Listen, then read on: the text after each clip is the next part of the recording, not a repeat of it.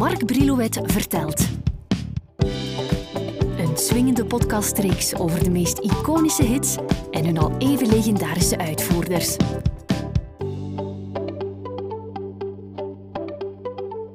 De Beatles hebben in hun beginperiode op hun eerste LP's nogal wat songs gecoverd.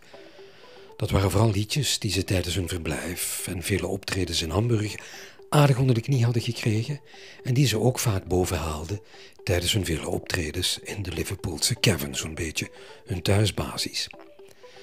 Tussen de maand september 1962 en februari 1963 namen ze in de Abbey Road Studios in Londen samen met producer George Martin hun eerste LP Please Please Me op, met erop in het totaal 14 tracks, waarvan 6 covers. Daaronder Chains, Anna en Twist and Shout, een song van de hand van Phil Medley en Burt Russell. Het nummer heette eerst Shake It Up Baby, tot de twist aan het begin van de jaren 60 als dansrage doorbrak en de Isley Brothers het inblikten als Twist and Shout.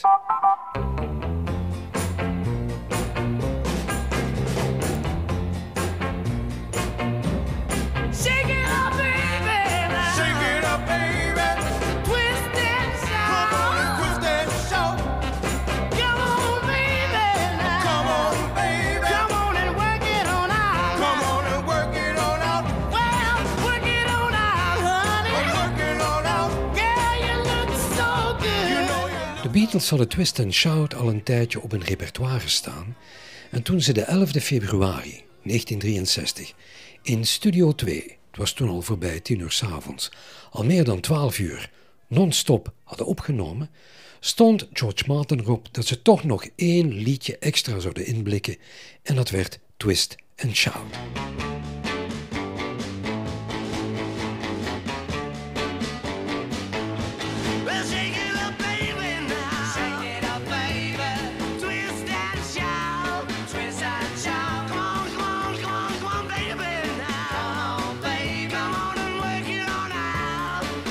Lennon neemt de solostem voor zijn rekening maar eens bek af. Stik op. De Beatles nemen snel even de tijd om in de kantine van Abbey Road nog een kopje koffie te drinken. En eh, aangezien ze al door hun studiotijd heen zijn, moet Lennon de klus zien te klaren in twee takes. Technicus van dienst eh, was toen Norman Smith, die eh, later als Hurricane Smith enkele hits zal scoren. En zijn zoon Nick is nog altijd zo apetrots op het werk van zijn pa, onder meer samen met de Beatles, dat hij op zekere dag besloot om aan zijn vader nog eens te vragen hoe dat precies in elkaar zit. hè, Dat samenwerken met de Beatles en die moeilijke opdracht van John Lennon om Twist and Shout nog op het einde van die eh, sessie op laten krijgen. Norman die koestert dat verhaal zozeer dat hij het voor het nageslacht heeft bewaard. En wij kunnen er nu nog even van meegenieten.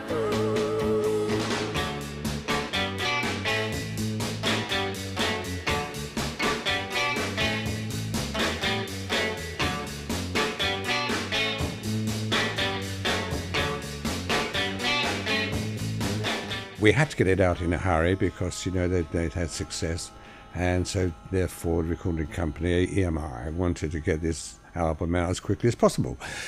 And so we recorded that first album in just one day. And I remember, I recall that the very last title we were going to do, that John was going to sing, was uh, one called Twist and Shout. And by this time, because of recording the whole day long, his voice was pretty shattered anyway. And the thing that really amazed me was that I recall there was one of those large confectionery jars that um, on the piano, and it was filled with uh, Hacks sweets for the throat.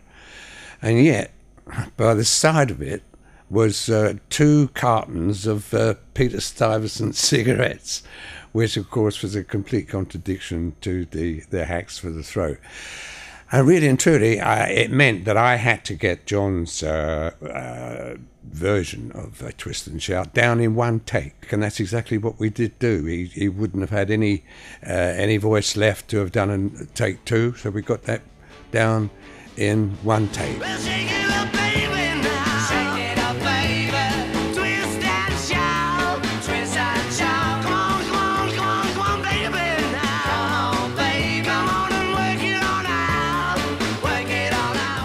Beatles waren een groep die in die tijd zowat iedere muzikant hebben geïnspireerd. Ook Raymond van het Groenewoud. Op school was hij een twijfelgeval. Hij wisselde goede uitslagen af met wat minder goede. Daarom dat het PMS hem adviseerde en voor zijn middelbare studies naar het Atheneum van Berchem te sturen. Hier leerde Raymond wat autoriteit en machtsmisbruik inhoudt en dat zal hem voor de rest van zijn leven tekenen. Hij zoekt zijn heil maar in een wereld vol dromen waarin het voetbal en zijn superheld Pele centraal staan. Op muzikaal gebied gaan vooral de Beatles zijn jonge jaren kleuren. Raymond weet nog goed dat hij Twist and Shout van een op single kocht en zijn moeder dat ook een tof liedje vond. Je droomt gewoon dat je alles kan. En dat je het, het uiterst belangrijke doelpunt maakt waarmee je de finale wint. En je zag toen ook de Beatles en toen dacht je, hey, Dat had ik nodig om, omdat ik al eh, in het schoolsysteem waarin ik zat, kon ik mijn weg niet vinden. En ik voelde me gewoon al, eh, ik voelde de wereld dichtgroeien. Ik, eh, ik zag geen zonnestralen meer doorbreken. En dan, had, dan was dat wel zeer welkom om de Beatle muziek te mogen horen. en die zongen dan ook nog Here Comes the Sun. Ja, ja, maar toen vooral was het Twist and Shout. En de, de verve waarmee dat gebracht werd door die halve rauwe stem van John Lennon. Dat was voor mij het symbool van bevrijding. Twist and Shout wordt in Amerika op single uitgebracht en geraakt daar tot op de tweede plaats van Billboard's Hot 100. In Engeland verschijnt het nummer vreemd genoeg niet op single, maar wel op EP, een singeltje met erop vier songs. In Nederland zit er in de maand februari van 1963 in de top 40 een 16e plaats in. Bij ons wordt er echter in de top 30 niet gereageerd.